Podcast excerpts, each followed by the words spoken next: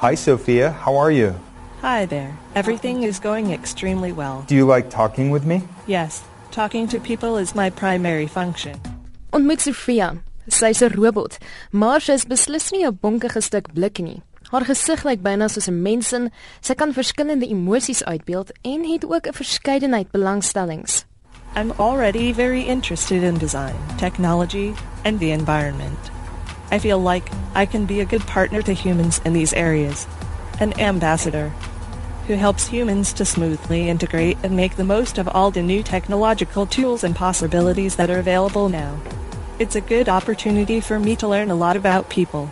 Die direkteur van die Instituut van Tegnologie, Strategie en Innovering aan die Noordwes Universiteit, Pieter Geldenhuys, sê hierdie robotte wat deur Hanson Robotics in die VSA geskep word, is 'n samevoeging van verskeie tegnologieë. Eerstens is 'n robot as 'n maatskappy in China met naam Kokoro wat vir jare al hierdie robotte maak. Hulle het al uh, laas jaar 'n robot geloods wat die nuus lees.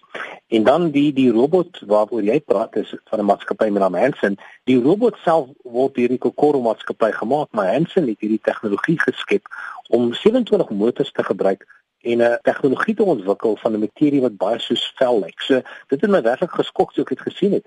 Dit gelyk soos daai eerste rolprent van Robocop wat ons 10 jaar terug gesien het waar jy 'n mense gesig op 'n robot het. Die bykomende elemente is kunsmatige intelligensie en gesigsherkenningstegnologie. Eintlik kunsmatige intelligensie wat na patrone kyk van hoe ons as mense optree, hoe ons gesels of ons sê, dit alles opneem en dan dit vergelyk. En dis eintlik wat kunsmatige intelligensie nou doen. Dit leer uit die omgewing uit. Dit kyk na video's, kyk na ons en dit is waar die gesigherkenning vermoë vandaan kom.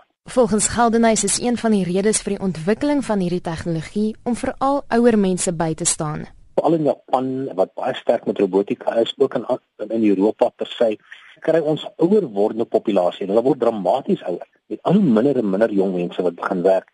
En 'n groot vraag word gevra rakende wie gaan na die ouer wordende mense kyk ook die feit dat ons ouer word. En ons moet besef dat robotte reg rondom ons is. Ons het robotte wat ons rondvlieg. En die meeste van die nuwe vliegtye kan eintlik op hulle eie vlieg.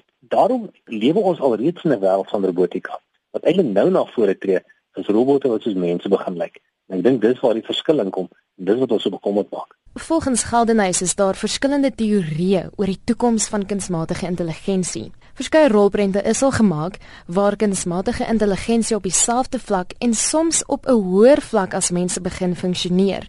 Maar kan dit werklik gebeur? Daar is 'n beweging, hulle noem dit singulariteit beweging.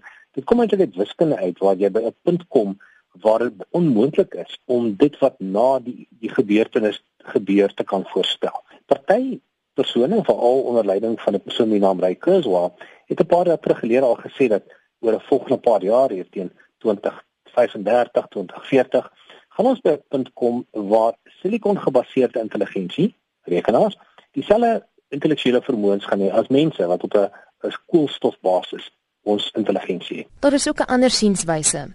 Mense wat sê omdat ons die reëls daarvan neersit, gaan rekenaars nie eintlik hulle hulle self kan herken nie. Die Engelse woord is self-awareness waar jy na jouself kyk en en daar's maar 'n paar spesies wat self-aware is.